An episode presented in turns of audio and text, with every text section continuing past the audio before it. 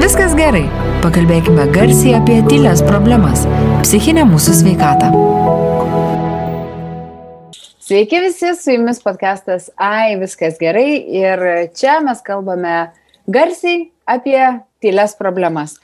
Daug kartų esame palietę individualios terapijos temą, tačiau niekaip nepakalbėdavom apie kitą dar pusę, tai yra apie grupinę terapiją, Todėl šiandien būtinai tai ir padarysime su mūsų svečiais Eugenijum ir Justinu. Tai labas. Sveiki. Ir turbūt, ir, pradės, ir turbūt ir pradėsime pirmiausia nuo to turbūt esminio klausimo, tai kasgi yra ta grupinė terapija. Tai gal aš truputėlį įvesiu mūsų klausytojus į kontekstą. Grupinė terapija turi ilgą istoriją, jau daugiau negu šimto metų ir jos pradžia buvo apie 1910-12 metus. Jeigu kas nors skaitė Erichos Marijos Remarko romaną Jodasis obeliskas, ten yra aprašyta, kaip e, tuberkuliozės sergančių žmonių sanatorijoje, psichoanalitikas skaito paskaitas ir paskui aptarinėja su pacientais, ten truputėlį pašaržuota, žinoma, yra šita visa situacija, bet esmė tai yra ta, kad iš pradžių iš tikrųjų buvo su grupėmis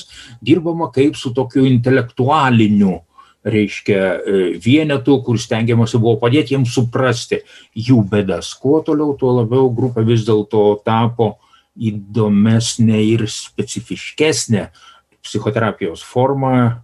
Ir e, labai paprastai žmonėms būtų galima paaiškinti, kad individualioji terapija e, mes galim naudoti metaforą, kad psichoterapeutas yra veidrodis, kuris atspindi žmogui jo tam tikras savybės ir parodo, kokias pasiekmes tos savybės turi, bet kai yra vienas veidrodis, tai tas pacientas gali pasisukti įvairiom pusėm ir parodyti psichoterapeutui, tai vieno, tai kitą pusę pasirodyti lieknesnis, pasirodyti pilnesnis. Tuo tarpu, kai kalbam apie grupę, grupė yra ratas veidrodžio. Ir tu kaip be pasisuksi, vis vien tave matys iš visų pusių.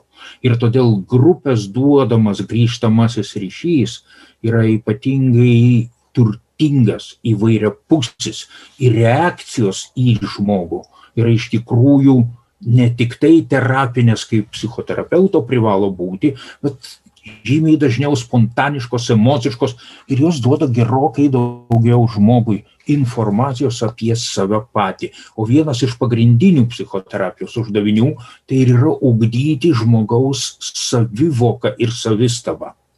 Tai vad šita prasme, aš manau, grupinė terapija skiriasi, jin turi unikalų potencialą pamatyti save iš visų pusių. Ir turiu pasakyti, kad Lietuvoje grupinė terapija turi ilgą istoriją, iš tikrųjų mūsų psichoterapijoje grupės buvo taikomos nuo 60-ųjų metų pradžios ir kuo toliau, tuo daugiau ir aš tikiuosi, kad šita tradicija nenumirs, todėl kad tikrai grupinė terapija yra labai efektyvus darbo būdas. Bet tai čia aš jau pradedu vos ne reklamą, kai tuo tarpu mes turim žmogų, kuris gali mums pasakyti, o kaip ten iš tikrųjų tose grupėse jaučiasi žmogus. Taip, ir turbūt įdomu, ir, ir aš va dabar labai taip tarp dviejų klaus, klausimų e, sviravau, nes labai norėjau klausti Eugenijaus, kaip pasirinkti, ar tau reikia, reiškia, ar individualią, ar grupinę. Ir kartu norėjau paklausti Justino, tai kaip būtent jis ir kodėl nusprendė tą grupinę terapiją rinktis.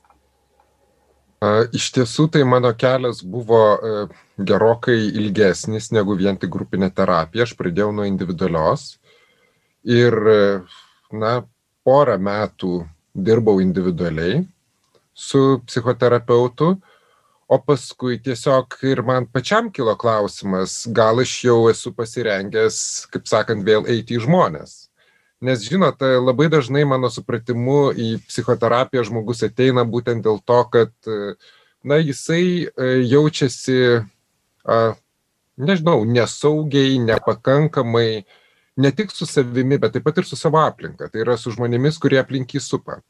Ir tuomet, e, vėlgi, kaip, kaip e, Eugenijus minėjo, yra tas dalykas, kad kai individualiai tu dirbi, tu dirbi iš tiesų su specialistu ir jam, na bent jau aš, tarkim, jam suteikiu tokią specialisto, profesionalo aurą ir tu į jį visą laiką žiūri kaip į kažką labai, na, esminio, svarbaus ir kažkada aš klausiau vėlgi pokalbį irgi su jumis ir man ten patiko, kai jūs pasakėte tą momentą, kad žmonės ateina į terapiją ir pasako psichoterapeutui, na dabar mane keiskite.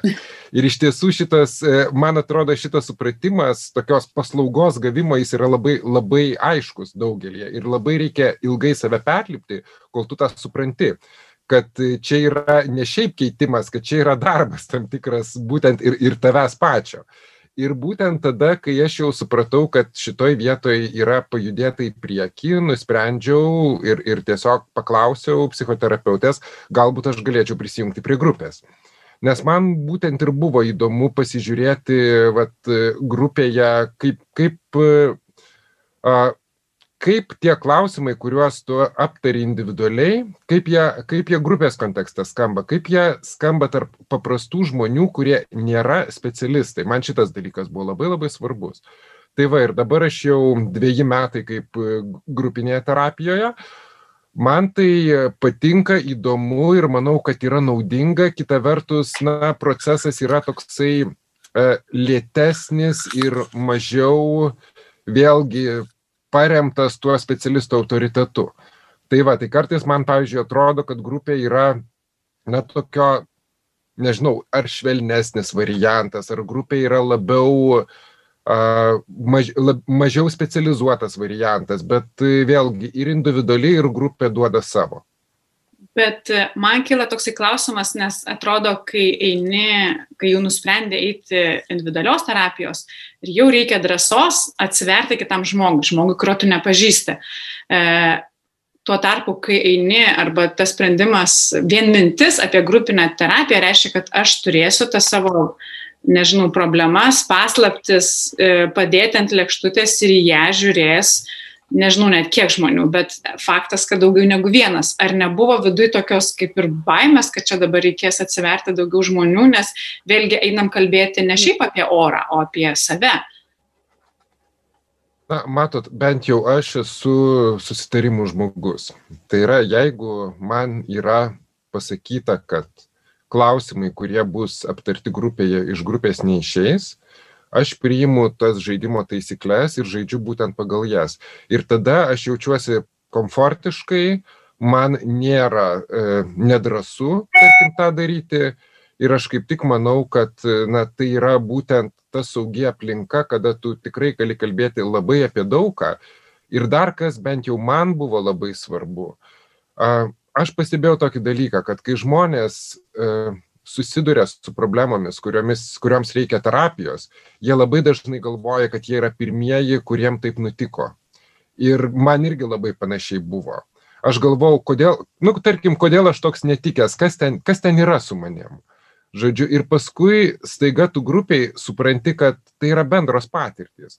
Tai yra patirtis, kurias patiria ir kiti žmonės ir staiga tu nebesijauti toksai uh, vienišai beviltiškas. Tai va šitoj vietoje tas atsiverimas grupiai dar yra taip pat labai svarbus, kad tu pamatai, kad tai nėra individualu, kad tai yra kaip tik pakankamai kolektyviškas dalykas visos tos, na, pavadinkim, problemos psichologinės, su kuriomis mes susidurėme gyvenime. Aš tai galvoju, kad reikia pasakyti dar vieną dalyką, kad tiek individualios terapijos, tiek ir grupinės terapijos procesą reguliuoja tam tikri etiniai principai.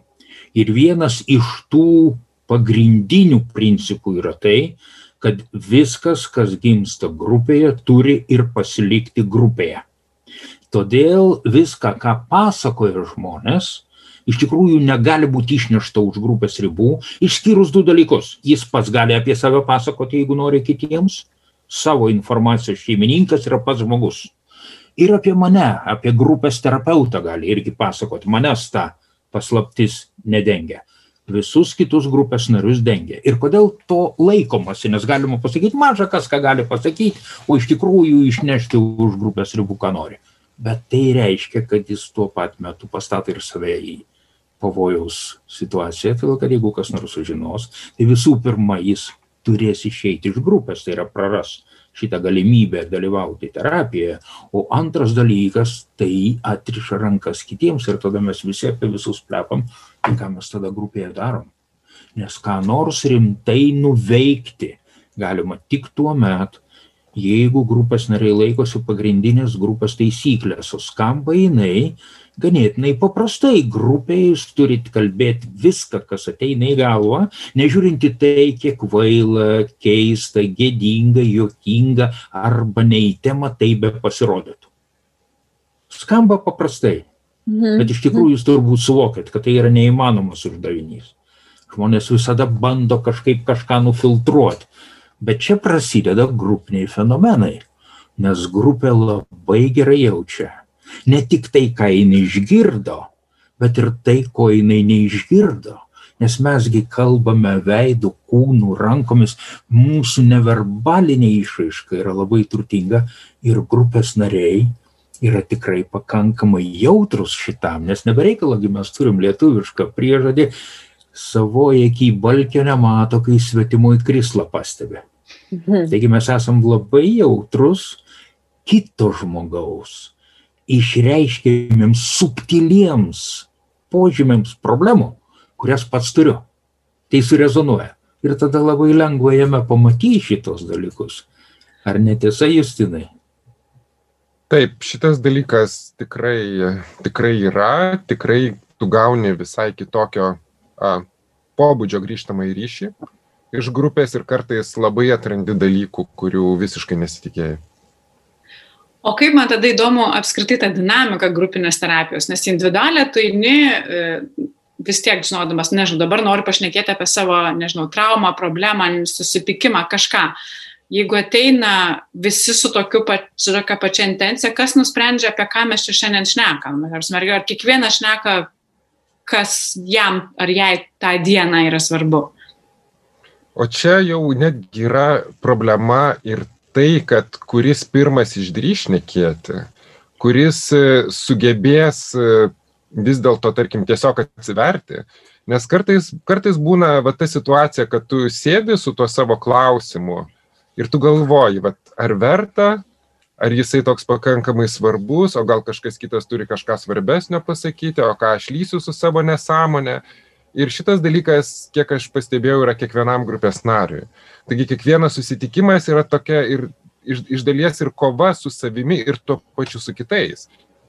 Nes kartais, na, ateini verdantis visas, tu labai nori būtent savo problemą išnešti, ar ne? Bet tada pra- pradeda veikti klausimas toksai, ar, ar tu gali užimti, tarkim, visą grupės eterį, grupėje šeši, aštuoni žmonės. Žodžiu, atsiranda e, labai e, svarbus dalykai, kaip vis dėlto suderinti tą, kad tu nori kalbėti, bet ir kiti nori kalbėti. Kiti galbūt vieną dieną kalbės tema, kuri tau yra, na, iš principo neįdomi, kuri tave erzins ir panašiai. Tai sakau, tai yra toksai labai tokia maža, mažas bandymų poligonas e, įvairiausių situacijų žmonių santykių. Bet aš dabar ir galvoju, prieš tai, kai mes pradėjome pokalbį, aš galvojau, kad turbūt intravertams yra sunkiau grupinėse terapijose, todėl kad jiems gal sunku prieš kitus išsisakyti ir, ir, ir išdrįsti atsiverti. Dabar aš jau galvoju, kad, nu net nežinau, nes ekstravertui, kuris labai turbūt nori reikštis ir vat, sugebėti pastatyti save į vietą ir leisti, aha, ir leisti ir kitam žmogui kalbėti ir ne tik tai save reikšti, tai irgi yra labai sudėtinga. Tai va tai ir yra vienas iš esminių grupinės terapijos poveikio mechanizmų. Čia jos vienas iš pagrindinių kuriejų, e, Fuksas, e, parašęs yra, kad e, grupinė terapija tai ego treniruotė veiksme. Ego training in action. Ir ką tai reiškia? Ego tai yra tas mano asmenybės komponentas, kuris reguliuoja mano santykių su išoriniu pasauliu. Yra mokėjimas ir parodyti save taip, kad mane suprastų, ir sustoti tada, kai nori kažkas kitas kalbėti. Ir pasistengti suprasti kitą, kada man atrodo, jog jo problema man visai neįdomi ir nereikšminga. Ir sugebėjimas surezonuoti savimi pačiu net ir be žodžių į kažkokią emocinę to žmogaus būseną. Visa tai yra mano ego. Ir jis grupėje treniruojamas ne kalbėjimu, o buvimu ir sąveika. Tai šia prasme grupinė terapija taip pat yra unikali.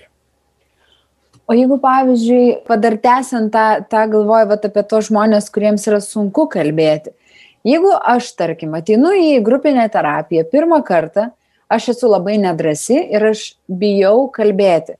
Kas, kas, kas vyksta? Ar, toje, ar ta prasme, ar yra išlaukiama, kada žmogus pagaliau, nežinau, gal ne pirmą, gal net kokį, ar, ar būna, tarkim, taip, kad tik tai trečią susitikimą žmogus iš vis pradeda kalbėti, o prieš tai klauso, ar kaip, kaip yra su tais, kurie, kuriems sunku kalbėti?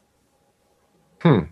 Jeigu, jeigu būtent šitas klausimas man, tai čia nėra taisyklės. Iš tiesų, kai žmogus pirmą kartą ateina į terapiją, jisai, e, grupinę terapiją, jisai nežino, kaip elgtis. Niekas nežino aš atėjęs nežinojau kiti kurie prisijungė prie grupės per per per tą laikotarpį kol aš buvau tai visą laiką tas pirmas susitikimas yra toksai visiškai neaiškus ką tu čia darai ką veiki ką klausai ką girdi ką pats ar turi pats kažką kalbėt ar taip toliau žinot aš tai kadangi ėjau nusiteikęs su tokiu nu pakankamai aiškiu sprendimu kad aš noriu eiti aš noriu kalbėti aš noriu sakyti tai man man tų problemų neiškilo man tiesiog e, galbūt įdomiau, kaip aš tada save apibūdinau ir kaip dabar apibūdinčiau, bet čia jau visai kitas klausimas. Tuo tarpu, na, visą laiką, kai žmogus ateina, iš jo vis dėlto yra tikimasi bent jau kažkokio pradinio pasisakymo. Ir žmogus, na, dažnai nepatogiai jaučiasi, bet niekas jo neverčia. Tiesiog, na, jis pasako savo vardą, galbūt pasako, dėl ko atėjo, galbūt tada terapeutas dar vieną kitą patikslinimą padaro, kad žmogui būtų paprasčiau Bet e, aš tiesiog norėčiau pasakyti, kad e, užsijimti terapiją apskritai tai, tai nėra labai komfortiškas reikalas.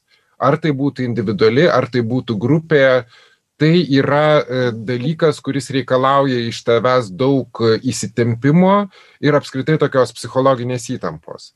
Bet būtent per tą tu ir išmoksti save pažinti. O Eugenijau, man įdomu, kokia tada visame tame yra terapeuto vaidmuo? Koks yra terapeuto vaidmuo? Ar jisai sėdi ir laukia ir tik tai prižiūri, kad ar visi pakalbėtų, ar, nežinau, bando pažiūrėti, kur yra, kur eina tema, prie kurios dar reikėtų sustoti. Ką, ką jūs ką, ką jūs tada darot? Sėdit ir žiūrit ir tik tai... Na, neringai jūs jau išminėjot pakankamai daug dalykų, ką iš tikrųjų grupinis terapeutas daro. Na, visų pirma, sėdi, žiūri ir klauso todėl kad iš tikrųjų čia ne jo vieta gydytis, čia jo vieta padėti kitiems. Ir todėl jisai klauso tol, kol supranta, ką galima būtų pasakyti, kas būtų naudinga. Ir kai kalbame apie tą, ką kalba psichoterapeutas, tai individualioji terapija visada aišku, kad yra vienas taikinys, tai yra pacientas, su kuriuo jisai šneka. Grupėje yra keli taikiniai. Visų pirma, yra pats vienas pacientas, kuris dabar vačnekėjo ir kažką pasakė. Toliau reikia suvokti, kad kiekvienas grupėje šnekantis tikrai kalba ne tik už save. Jis tam tikrą prasme kalba už visą grupę. Tai yra grupės balsas, kuris drįsta išreikšti kažką, ko kiti dar nepasakė. Ir tai reiškia, kad grupės terapeutas turi įgyti sugebėjimą įžvelgti simbolinę prasme to, ką sako žmogus. Netiesioginę, kad jeigu jis pasakoja, pavyzdžiui, kad vat, ėjo ir pamatė kažkur mašinos nutrenktą šunį ir jam tai labai skaudu. Ir grupės terapeuto uždavinys būtų paklausti, o koks čia nais grupiai galėjo būti nutrenktas šuo? Ir atrodo, kad tai visai svetima, atrodo, kad tai visai ne apie reikalą, kad čia nesąmonės tas grupės terapeutas kalba. Bet praeina kartais minutės, kartais valandos, kartais mėnesiai.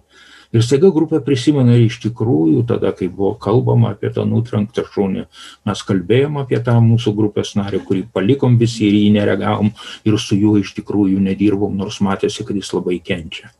Tai yra mes kalbam apie sugebėjimą išvelgti kelis procesų lygius to psichoterapeuto darbe ir jis turi mokėti pasirinkti, apie ką šnekėti šituo konkrečiu momentu. Ir šito mokomos ir mokomasi pakankamai ilgai ir atkakliai. Bet ir kitas dar svarbus dalykas - mokėjimas ne tik tai galvoti, yra labai svarbus mokėjimas įsijausti į tą grupės atmosferą, kame grupė gyvena vis savo dabar ir todėl tas mokėjimas rezonuoti irgi yra labai svarbus ir tai jau nebėra mūsų kairio pusrutulio funkcija, tai jau yra visų smegenų funkciją rezonuoti į kažkokias grupės atmosferos dalis. O jūs dar e, pradžioje pasakėte apie nu, tam tikras taisyklės, net ir pirma taisyklė dalyvauti grupinėje terapijoje yra, kad, na, kas kalbama terapijoje, lieka terapijoje. Kambarį. Kokios dar yra taisyklės, kurias turi žinoti? Tose grupėse, kurias aš vedu, tai yra grupinės analizės grupės. Yra taisyklė neturėti jokių kontaktų už grupės ribų. Vilnius mažas miestas. Tai reiškia, kad atsitiktiniai susitikimai gali vykti tuos susitikimus reikia atnešti į grupę. Ir kartais gali sakyti grupės nariai, kad, nu čia buvo joks susitikimas, mes tiesiog važiavom vienam troleibusais, vienam jo gale, kitam jo gale. Justinė, aš manau, kad jūs galite papasakoti, ką iš tikrųjų galima per tą penkių minučių kelionę kartu pajausti ir pagalvoti. Na, mes irgi laikomės beje šitos taisyklės e, grupinėje terapijoje, kad tai, kas įvyko už grupės ribų su grupės nariais, yra tarpusavė turiu galvoj, yra parsinešama atgal į grupę. O dėl to pajūtimo vėlgi, na, yra, yra buvę istorijų iš tiesų, kai pamatai grupės narį tam tikromis aplinkybėmis, tam tikroje situacijoje ir paskui, žinot, dar vienas dalykas, gal čia bus truputėlį nukrypimas, bet grupė kai tu pradedi lankyti, ant tavęs užmeta kažkokią tokią nuolatinio savęs stebėjimo, na, akį, pavadinkim taip. Dėl to tu į nieką ir ypač į tai, kas yra susijęs su grupe, nebežiūri taip, kaip žiūrėjai anksčiau. Ir tarkim, vat, tas momentas, kad tu sutinki grupę žmogų, ar ne, tai vėlgi kokia tavo reakcija su juo. Pavyzdžiui, na, yra taisyklė, kad ne, iš esmės nereiktų bendrauti, ar ne? Nu tai pasimojuoji, labas, labas, labas ir dinksti į šoną. Vien dėl to, kad, žodžiu, yra, yra sprendimas, kad bendrauti kaip ir nereikia, ar ne?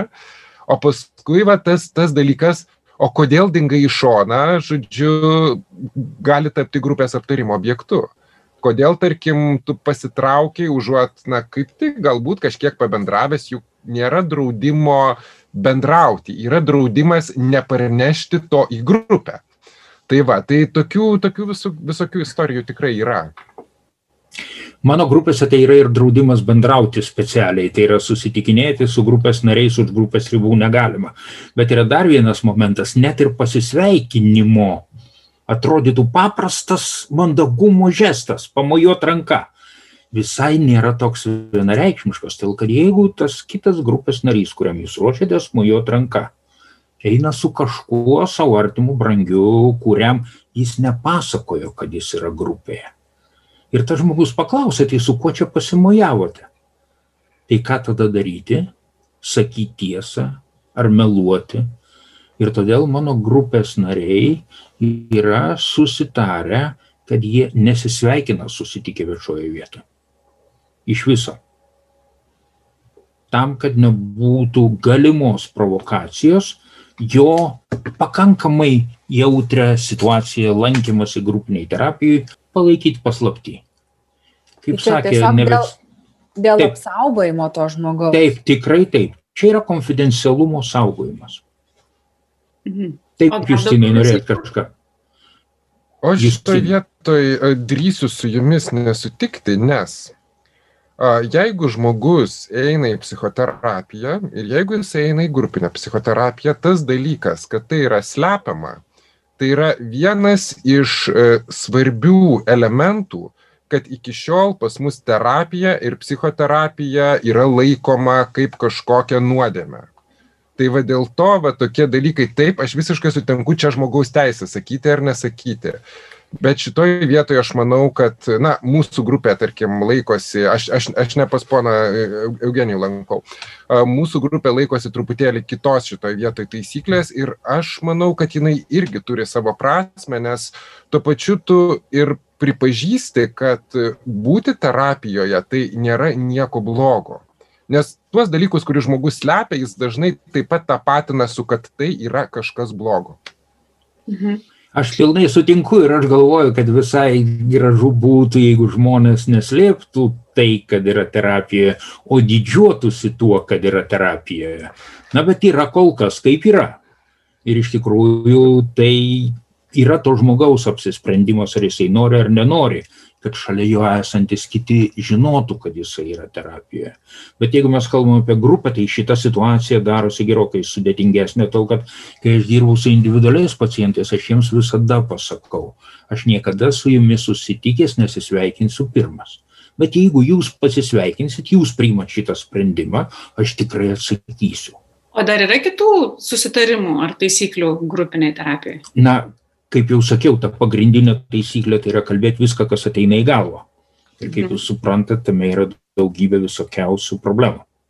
Nu, o kaip jūs, o atsiprašau, o kaip čia gali sukontroliuoti, nes, nu... Sukontroliuoti iš vis niekas nieko negali, taip kad dėl kontrolės mes nusiraminkim, bet skatinti ir aiškintis, kodėl tai nepavyksta, yra labai svarbus psichoterapijos elementai. Todėl, kad mes ir nuo savęs paprastam kasdieniniam gyvenime slepiame daug dalykų, kurie mums kyla galvoj. Kaip ten pas jūs vadinasi laida, atrodo, ai viskas gerai, ja? Taip, tai apie ką jūs kalbat? Būtent apie šitai, kai iškyla kažkas, pavyzdžiui, draugės ar draugo klausimas, tai kaip sekasi. O sekasi va šiuo konkrečiu momentu labai prastai bet nesinori apie tai kalbėti tai ir sako, ai, viskas gerai. Tai va tai yra pavyzdėlis, iš tikrųjų parodantis realų mūsų norą netvarkyti su viduj pajustom problemom, o nustumti jas kur nors, pasislėpti nuo jų. Ai, viskas gerai. Negerai. O kaip yra su tom situacijom, nes tikrai labai smalsu, kai, bet jeigu turi sakyti viską, kas kyla, ir, na, grupėje žmonės yra labai skirtingi, ypatingai pradžioje, manau, kad, na, ir nu, ne visi žmonės, ne visiems žmonėms mes jaučiam simpatiją, ką daryti, va, ateina, ateini ir, va, sėdė kažkas, kur atrodo, nežinau, va, kaip aš vadinu, bio pievos, niekaip nesutinka. Ir tas žmogus išneka ir tau reikia pasakyti, ką tu iš tikrųjų galvoji apie jo kalbėjimą. Kaip va tai suvaldoma terapijos metu. Na čia jau Justinui klausimas, kaip ten būna. Um, na, pirmiausia, kaip, kaip Eugenijus pastebėjo, tai nėra valdoma. Nebent, na, bent jau per tą laiką, kai, kai aš lankau grupinę terapiją, iš tiesų nebuvo kažkokio tokio, kada tikrai terapeutas turėjo įsikišti kažkokiu labai griežtu. Bet taip būna konfliktų ir uh, na pavyzdžiui mano tai vienas iš svarbių įgūdžių buvo išmokti sakyti žmogui ką tu galvoji. Ir nesigėdyti to kad tu sakai žmogui ką tu galvoji. Tą kaip sakant savo gerąjį save truputėlį taip prigesinti tam tikru atveju. Ir tiesiog sugebėti na pasakyti savo nuomonę. Ir taip Kartais būna taip, kad tu pasakai, kad tave erzina kitas grupės narys, kartais tu pasakai, kad tave erzina ir psichoterapeutas. Nes tikrai labai dažnai tai būna, kadangi e, psichoterapeutai irgi yra žmonės, kurie a, paknebinėja labai skaudžius dalykus. Tai va, tai tikrai kartais tas gebėjimas pasakyti, tai yra visiškai, visiškai normali, sudėtinė grupinės terapijos dalis. O galima, pavyzdžiui, sustabdyti savo lankymasi grupinėje terapijoje? Na, tarkim, jeigu tu eini ir vat, jauti, kad, nežinau, nu, nenoriu eiti, vat, kažkoks toks, ar galima sustabdyti ir, nežinau, pa, pertrauką kažkokią padaryti? Ar, ar yra juokės Eugenijus dabar? Na, betgi, Eglė, tai, kas sakot, kad jeigu pajuntu, kad nenoriu eiti, Tai čia yra tiesiog nepaprastai svarbios durys, kurias reikia atidaryti ir pradėti tyrinėti, kas tas nenoras, iš kur jisai kilo. Ir dažniausiai, dažniausiai tas nenoras yra skambutis, kad artėjama prie skaudžių, svarbių savo pačiam reikalų įsisamoninimo aš pradedu užuosti kvapą, kas ten mano paties viduje svyla. Ir vietoj to, kad jeigu žiūrėkime grinai virtuvinės metaforos pagalba, atidaryčiau orkaitę ir ištraukčiau tą svylantį kepsnį, aš išeinu iš virtuvės ir mhm. nueinu pasivaikščioti į miškelį, kad būtų švelniau ir geriau. Na, Tai bet reikia dar ir samoningumo tokio, kad tu suvoktum, kad jeigu tavyje kyla toksai jausmas, kad tu nori atsitraukti ir, ir, ir pasislėpti, tai vadinasi, reikia perlipti per save ir daryti tai. Nereikia per nieką laipėti. Aš iš viso galvoju, kad per save laipėti nereikia. Reikia tiesiog savo pasakyti dabar atėjo tas momentas, kai bus labai įdomu. Bet jeigu aš vat, imu ir praleidžiu, praleidžiu du susitikimus ar vieną, tai jūs mane atėjęs pasakysite, o tai kur buvai? Na, visų pirma, man kaip terapeutai šito sakyti tikrai nereikia. Kiti Yra pasakys. broliukai ir sesutės sėdintis greta, kurie tikrai nepamirš paklausti. O kitas dalykas yra tam tikras lankomumo reikalavimas. Jeigu žmogus, pavyzdžiui, mūsų grupėje praleidžia tris kartus iš eilės, be specialaus susitarimo, kad, pavyzdžiui, jis atsigulė į ligoninę, tai ketvirtą kartą jo kėdės rate jau nebėra. Jis iškrenta iš grupės. O šiaip grupę reikia mokėti pabaigti. Ir todėl grupiniai terapijai pas mane grupėse, pavyzdžiui, yra taisyklė, kad žmogus po to, kai pasako, kad jis išeina iš grupės, turi ateiti dar keturis kartus, kad perdirbtų atsisveikinimą ir išsiskyrimą. Nes mūsų lietuviškoje kultūroje yra vienas didelis trūkumas, ir čia Justinas netru, neleis man pameluoti. Iš tikrųjų mes nemokam atsisveikinti. Ateit, pasisveikinti dar dar. O suvokti, kad atsisveikinimas yra ne įvykis, o procesas labai sunku.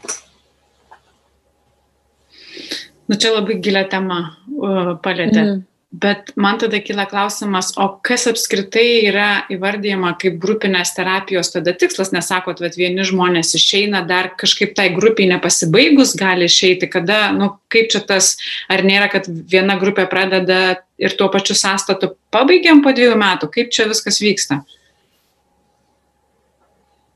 Tai čia turbūt reikėtų visgi psichoterapeuto komentarą, bet aš, aš galiu iš savo patirties pasakyti, kad grupė yra procesas pati savaime. Tai yra vieni žmonės ateina, kiti išeina. Ir iš tiesų yra tas atsisveikinimo laikotarpis. Na, Eugenijus minėjo, kad jo grupė jis užtrunka keturis kartus, pas mus tai eina kalba apie pusmečius, tiesą sakant. Tai yra, kad paprastai jeigu pasakai, tai tada dar, dar tikrai daug laiko turi prabėgti ir dar yra galimybė persigalvoti ir, ir, ir, ir, ir, ir, ir pasilikti. Tai grupė nėra tai, kad susirenka, tarkim, penki žmonės, jie grupinasi, grupinasi, grupinasi, grupinasi ir išsiskirsto. Ne. Tiesiog grupė yra kintantis būdas, vienas ateina, kitas išeina ir, ir tai yra, nu, taip pat kaip gyvenime, tiesą sakant. Aš tai noriu pasakyti, kad aš turiu dvi psichoterapinės grupės. Tai viena psichoterapinė grupė veikia jau 26 metai. Be jokios abejonės, visi žmonės joje pasikeitė. Bet kas yra labai įdomu, kad keičiantis žmonėms, jie įeina po vieną, išeina po vieną dažniausiai. Tam tikras fenomenas, kuris vadinamas grupės kultūra, išlieka. Labai įdomu. Tai specifika tokia grupinė, grinai, net individualioje terapijoje tokių dalykų nėra. E, Kita grupė buvo 13 metų funkcionavo, jį pasibaigė. Ir dabar turiu trečią grupę, tai yra dvi lygiai grečiai vykstančias grupės. Trečioji grupė jau septinti metai dirba. Tai grupės iš tikrųjų dirba kaip tam tikras organizmas, į kurį kažkas ateina, kažkas išeina, bet ten vykstantis procesai iš tikrųjų yra pakankamai universalūs ir apima visus grupės narius.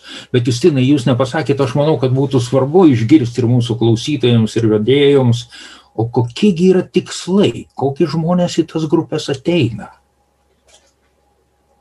A, taip, čia klausimas, aišku, labai sudėtingas, nes už kitų tikslus nelabai gali kalbėti, pirmiausia. Tai, tai žmonės ateina pačių, pačių įvairiausių tikslų vedami. Tarkim, e, dažniausiai ateina, kad e, yra santykių problemos, labai labai dažnas reikalas. Santykių šeimoje, santykių darbe, dar kažkur. Nepasitikėjimas savimi irgi labai dažna problema. Toliau kartais labai sudėtingos traumos išgyventos e, per gyvenimą, kurios labai tave smarkiai, na, nežinau, paveikė ar kažkas panašaus. Kartais tiesiog savęs, na, savęs supratimo tiesiog genamas žmogus ateina, būna, būna ir taip. Tai um, man atrodo, kad, na, bent jau mano patirtis yra tokia, kad prieš ateinant į grupę, tu vis tiek su e, terapeutu aptari, kas tave kankina, kokie yra, ko tu nori pasiekti pagaliau. Labai dažnai terapeutas ir, ir, ir pasako, patikslina, kam, kas, apie ką tu bandai pasakyti žodžiais ir labai dažnai nemoki pasakyti žodžiais. Ir tada, ir, o tada grupiai gali viskas labai pasikeisti. Tu ateini su vienu tikslu, o paaiškėja, kad tu dar gali pasiekti ir to, ir kito, ir ano, ir, ir, dar, ir dar daugiau papildomai suprasti. Tad man atsakyti į klausimą, koks yra tikslas grupiai, tai mm, labai sunku. Sakau, individualiai, pavyzdžiui, aš į grupę atėjau tam, kad išmokčiau uh, kažkaip save konstatuoti, aš tą vadinu. Žodžiu, bet per tą dalyką aš dar irgi labai daug išmokau ir papildomai. Eugenio, o galima, pavyzdžiui, e, derinti, tarkim, eiti ir indi, į individualią terapiją, ir į grupinę terapiją? yra įvairių psichoterapijos metodų ir yra tų psichoterapeutų, kurie turi tuos pačius pacientus grupėje ir su jais dar susitinka individualiai. Nedaug taip dirbančiųjų, todėl kad, na, darai praktiškai dvigubą darbą ir su tais pačiais žmonėmis grupėje visą laiką dirbi ir dar dirbi kiek, su kiekvienu individualiai. Kodėl sakau su kiekvienu? Todėl, kad negalima išskirti, su kažkuo dirbi, su kažkuo nedirbi. Tada grupėje iškart labai greitai tampa žinoma ir aišku, kad yra labiau mylimi vaikai ir mažiau mylimi vaikai. Tiesa? Yeah.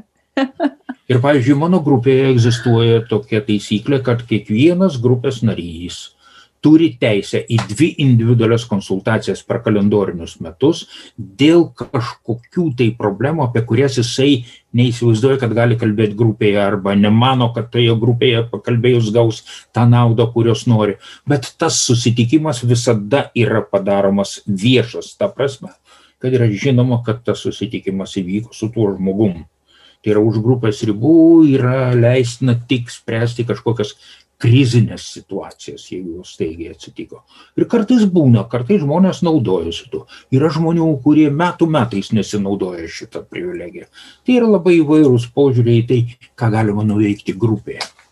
Bet aš galvoju, yra vienas dalykas, apie kurį jūs nes dar nepasakė, bet kuris iš tikrųjų skambėjo jo žodžiuose, kad iš tiesų psichoterapija yra darbas ką tai reiškia, kai pacientai, pavyzdžiui, sako, nu aš jau metus lankausi ir niekas nevyksta.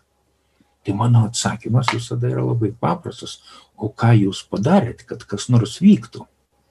Nes iš tikrųjų kiekvieno indėlis į grupinį procesą yra svarbus, todėl kad aš naudoju dar tokią metaforą, kad aš kaip psichoterapeutas atnešu katilą vandens ir pastatau jį ant ugnies o ar žmonės susėdę aplinkui valgys verdantį vandenį ar sriubą, priklauso tik nuo to, ką jie į tą verdantį vandenį sumes.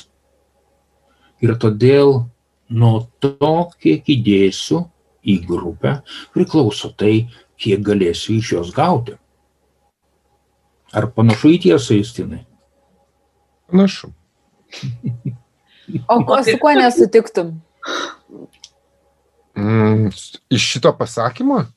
Ne, su viskuo sutinku su... tikrai. A, taip, čia tiesiog e, galvoju, ką galėčiau pridėti, bet turbūt nesu tiek protingas, kad galėčiau labai rimtai pridėti. Justinai, čia ne apie protą, čia aš manau labai svarbu dar ir apie jausmą, todėl kad iš tikrųjų e, pacientų savijauta grupėje gali būti labai įvairi tiesa ir būna krizių, kai atrodo, viskas pjausiu, nebeisiu, nusibodot jūs man visi, jokios naudos man čia iš jūsų nėra. Ir vat kai būna tos krizės, kaip jūs galėtumėt pasakyti, kas padeda? Vėlgi kažkokio tokio recepto turbūt nepasakysiu, bet manau labai svarbus dalykas grupės palaikymas yra. Ir kažkaip, na, paprastai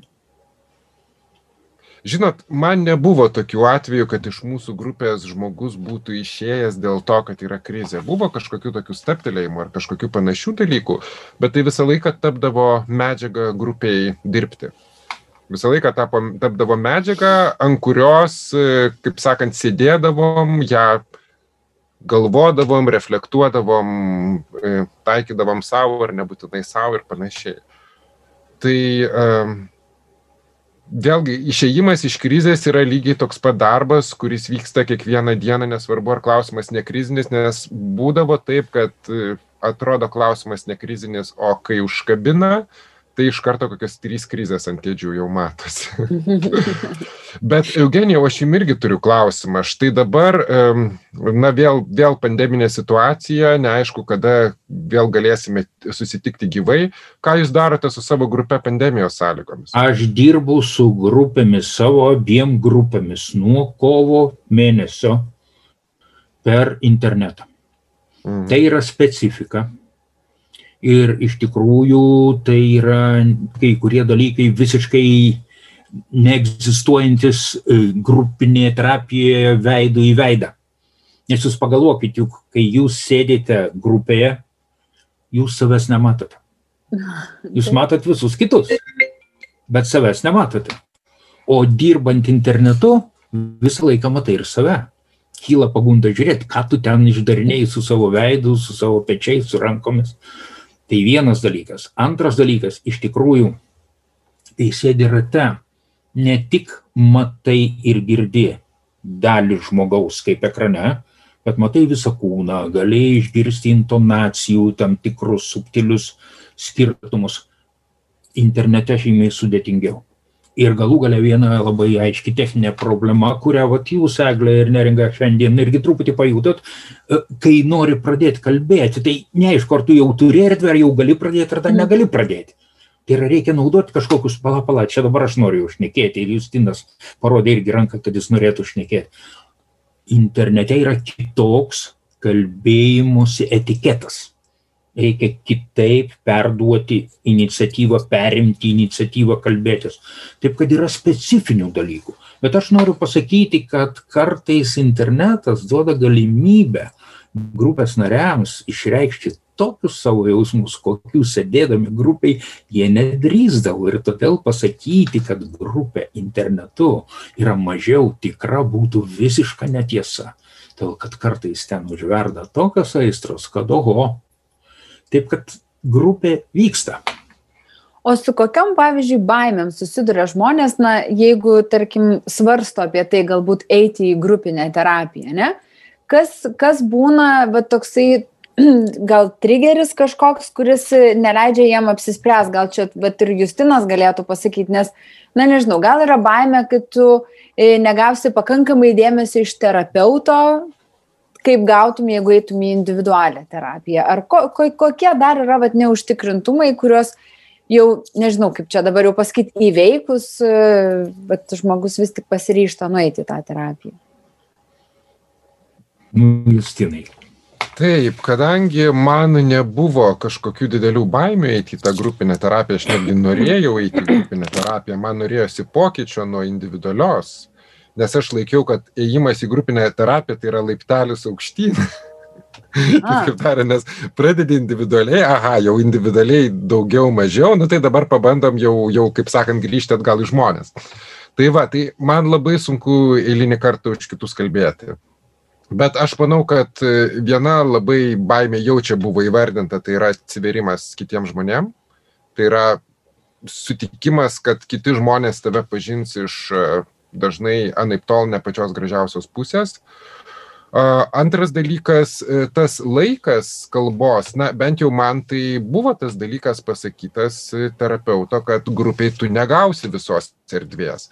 Bet kita vertus, tas erdvės negavimas, tai taip pat yra tam tikra kliūtis arba tam tikras e, iššūkis ar barjeras, ar kaip mes tą pavadinsim, uh, su kuriuo reikia išmokti gyventi. Ir jis yra be galo, be galo gyvenimiškas. Juk gebėjimas rasti savo vietą po saulę yra labai svarbus įgūdis ir grupėje tu jį puikiai gali, na, nesakau, kad tobulinti, bet tu gali su tuo išmokti tvarkytis. Kokia yra trukmė šiaip vat, vieno to senso terapijos sustikimo to? Dažniausiai tai yra Mano 90 minučių, valandos. pusantros valandos. O pas jūs kaip? Irgi pusantros Taip, valandos. Pusantros valandos. Taip. Ir penki žmonės. Iki aštuonių mano grupėse. Oho, turi iki greit šnekėti. Bet juk kalba eina, kad grupiai yra būtent ta specifika, kad čia tu ne tik šneki, bet ir, bet ir girdi tai, ką Taip. sako tau kiti. Ir ta sąveika yra būtent tas gydomasis instrumentas. Dabar aš pasinaudosiu tą tokią grupinės te terapijos taisyklę, kad sakyti viską, kas keila. Man iš tikrųjų besiklausant, atrodo, kad nu, tai yra tam tikra maža bendruomenė, tokia gentis, į kurią tu vėl patenki ir ko mes galbūt nebeturim jau savo visuomeniai, neturim to tokio savo saugaus rato, su kuriais galim kalbėti. Čia dėl to gal kyla tas poreikis ir atsirado ta niša grupiniai terapijai kad nu nėra, mes ne, nebegyvenam bendruomenėmis. Tai vad noriu pasakyti, kad pirma sąlyga įtraukiant žmogų į grupę yra, kad jis neturėtų ten jokio pažįstamo žmogaus. Tai yra, jeigu grupėje atėjęs naujokas pamato kažką, su kuo buvo susijęs arba yra susijęs gyvenime, jis tos grupės lankyti negali. A, bet čia Nes, labai sudėtinga. Nu. Tai ir visoje Lietuvoje pakankamai sudėtinga. Bet jeigu mes kalbam apie racionalią e, kažkokią tai mintį už tos taisyklės, tai kad santykiai turi būti pradėti nuo nulio. Kad žmogus pamatytų, kaip jis įeina į tuos santykius, kad kiti pamatytų, ką jis daro ir kad gautų žmogus atsakymą iš tos grupės narių į savo paties įprastus stereotipinius kažkokius tai veiksmus, mintis, žodžius ir ką tai duoda, kokias pasiekmes tai kelia. Ir paskui prasideda tas transformacijos procesas, nes kaip aš jau sakiau, bet kokia psichoterapija ir individuali, ir grupinė, tai yra paciento keitimosi procesas. Ir todėl ir grupė jis turi gauti šansą keistis, bet dabar jau ne tik tai gaudamas vieno terapeuto atspindį, bet visų grupės narių atspindį į save patį. O yra kažkokios sąlygos ar situacija, kai netiks grupinė terapija, kai jūs be abejo. Parekomenduotumėt nesirinkti to?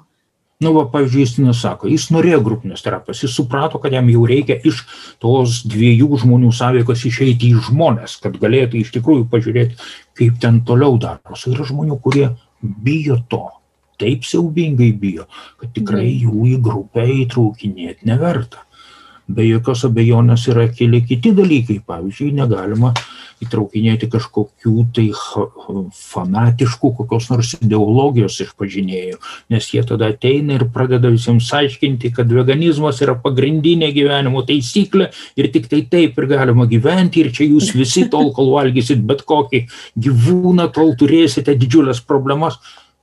Jis nedirba grupėje, jisai pamokslauja grupėje tai tai yra dalykai, kurie trukdo žmogui iš grupės gauti kažkokią naudą. Aš gal truputėlį papildysiu, kadangi mūsų grupės patirtis vos vos skiriasi, tai yra pas mus yra buvę atvejų, kai ateina žmonės, su kuriais, na, yra kažkoks ryšys pažįstamumas. Bet tokiu atveju ir tas dalykas tampa labai rimtų grupės aptarimo ir, ir vėlgi santykio sprendimo aiškinimuose objektu. Ir na, tam tikrais atvejais tai taip pat, tai taip pat yra vertinga. Vėlgi, aš nežinau, čia pagal psichoterapeutų visas taisyklės kaip yra, bet, bet pas mus yra buvęs atvejis. Ir ne, tai dėl to atveju, yra netgi tokių na, mano grupių. Nebuvo blogiau. Tikrai yra tokių grupių, kur dalyvauja šeimos, tai jau tai vyras su žmona, tai iš tikrųjų Aha. susiję. Taip, aš va, tą patį norėjau paklausti, ar gali ateiti pora į grupinę? Ne, jeigu tai yra specifinė šeimų grupė, tai tada turėtų ir eiti poros Aha. arba šeimos, kad jie būtų visi maždaug vienodi to reikalavimo atžvilgiu. Mhm. Nes negali būti į grupę įtrauktas kažkoks tai vienas kitoks. Ir jeigu, pavyzdžiui, visi grupės nariai nepažįstami ir ateina pora, jie iš karto pasidaro kitokie šitos grupės kontekste. Arba jeigu yra visi maždaug 20-40 metų amžiaus ir staiga ateina narys 60. Taigi akivaizdu, kad jo rolė tampa kaip senelio. Ir aš galvoju, kad tai yra dalykai, kurie iš tikrųjų iškirta žmogų iš konteksto, jisai negali gauti visos naudos, kurią norėtų ir galėtų. Jūs žinai, jeigu reikėtų, pavyzdžiui, pasakyti, ką tau geriausiai da, geriausio davė grupinė terapija ir kodėl tu rekomenduotum ją kitiems žmonėms, kaip tu galėtume vardinti? Man apskritai um, sunku ką pasakyti, apskritai suformuluoti ir atskirti tą individualios terapijos patirtį nuo grupinės terapijos. Nes problemos, su kuriomis aš e, tvarkiausi, jos yra ir, ir vienoje, ir kitoje terapijoje. Bet man, tarkim, grupė, kaip sakiau, man pirmiausia davė saugumą kalbėti apie didelės, e, na, tokius rimtus esminius gyvenimo klausimus ir tuo pačiu pamatyti, kad E, ne mane vieną jie kamuoja. Man atrodo, čia man buvo pats svarbiausias grupės potyris. Nes viena, kai tau, nes na, terapeutas neskuba tau to, bent jau mano atveju buvo neskuba to pasakyti, kad tu ne vienas toks, tarkim. Grupėje tu tą tiesiog pamatai, tu pamatai vieną vertus e, save, kaip minėta veidrodyje, kita vertus tu pamatai ir kitus ir ta tokia bendra patirtis, ji, man atrodo, yra, yra labai labai svarbi. Ir aš tiesą sakant labai dažnai pastebiu, kad, na, iš tų socialinių tinklų, socialinio gyvenimo, kad žmonės rašo apie problemas, kurios akivaizdžiai yra tokios, kurias patiria ne vienas, bet tiesiog jie nežino apie tai. Ir vos jam pasakai, kad tu ne vienas su tokiom bėdom, kad yra kelių, kaip tai galima bandyti spręsti, tu iš karto pamatai, kaip tam žmogui palengvėja. Ir būtent e, tas dalykas, kad grupėje tu vėlgi, kaip sakiau, save gražini į visuomenę. Ir, na, man, man tai tikrai buvo labai svarbu, tas dalykas, kad aš gebėčiau išeiti kitoks ir iš psichoterapeuto kabineto, ir iš grupės atgal į visuomenę. Ir savo santykių su jie nustatyti iš naujo. Nes tu dabar, kaip pasakei, kad e, supranti, kad ir kiti žmonės, tarkim, susiduria su ta pačia problema, tai e, man va ir kyla klausimas, kas vienyje žmonės grupinėje terapijoje. Tai yra ar bendra kažkokia problema, ar kažkoks bendras nu, tikslas, kaip ir bendras e, iš, išspręsti kažkokius dalykus. Bet bendros yra... problemos ir jų sprendimas, aš atsiprašau, mm. kad pertraukiau. Aha, supratau. Taip. O Eugenijau, va iš jūsų pusės tada būtų, ką jūs matote, nes jūs matot, nors sakėt, kad jūs esate vienoje pusėje, bet aš manau, kad jūs abiejos, abiejų pusių matot argumentus ir ką e, pat, patiems žmonėms duoda, bet man įdomu dar ir jum pačiam kaip e, profesionalui, kuo va tos grupinės terapijos yra įdomios. Ir ypatingai. Pradėkime nuo to, kad grupė yra žymiai arčiau realaus gyvenimo, todėl kad mes nei vienas negyvenam po vieną. Ir iš tikrųjų, kai mes gyvename, Neringa, jūs klausėte, ar tai nėra kažkokios genties tarsi e, ats, nu, atstovas. Ne, aš galvoju, kad yra šeimos modelis. Iš tikrųjų, šeši, aštuoni žmonės yra normali trijų kartų šeima, nieko ypatingo čia nais. Tiesa? Ir kai kalbam apie tą e, šeimos modelį, juk tai yra pagrindinis mūsų gyvenimo kontekstas. Ar mes ten gyvenam gerai ar blogai, labai nulėmė tą, kaip aš jaučiuosi šitame gyvenime apskritai. Ir štai šitas grupės kontekstas iš tiesų duoda galimybę pasitikrinti save įvairių santykių jautime, todėl kad jausmai atskiriems grupės nariams gali būti labai skirtingi. Ir juos galima perdirbti ir suprasti, iš kur jie atsiradė, iš kur aš juos atsinešiau, kas iš tikrųjų buvo to pradžioj ir kodėl aš dabar toliau naudoju tą patį, nors dabar jau visai kita situacija, visai kitokie žmonės.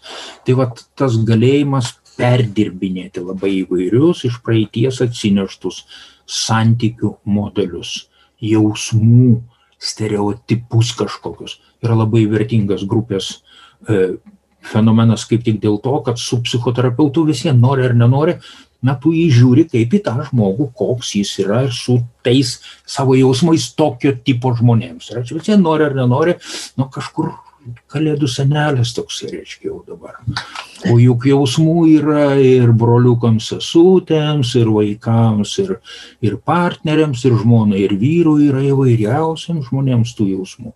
Ir grupė sudaro galimybę juos išgyventi ir perdirbti. Vieną dalyką reiktų pasakyti, kad iš tikrųjų ta grupinė terapija psichoterapeutui yra sunkus darbas.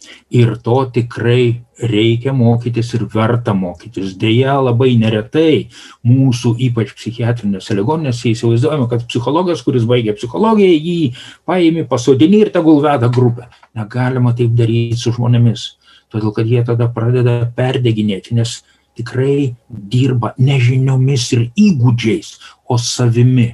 Tai va aš labai paskatinčiau jaunuosius kolegas eiti mokytis grupinės psichoterapijos tam, kad jie galėtų ramiai, profesionaliai ir produktyviai dirbti grupį. Tai tokia labai natūrali pabaiga, kvietimas veikti. Taip, tai ačiū Jums labai už pokalbį, tikrai Justinai, ačiū, kad, kad pasidalinai savo patirtimi ir, ir, ir, ir žiniomis įgautomis ir Eugenijau, aišku, ačiū Jums ir tau neringačių. Labai įdomu buvo. Justinai, labai Jums ačiū ir labai ačiū merginos už mūsų pokalbį. Ai, viskas gerai. Pakalbėkime garsiai apie tylės problemas - psichinę mūsų sveikatą.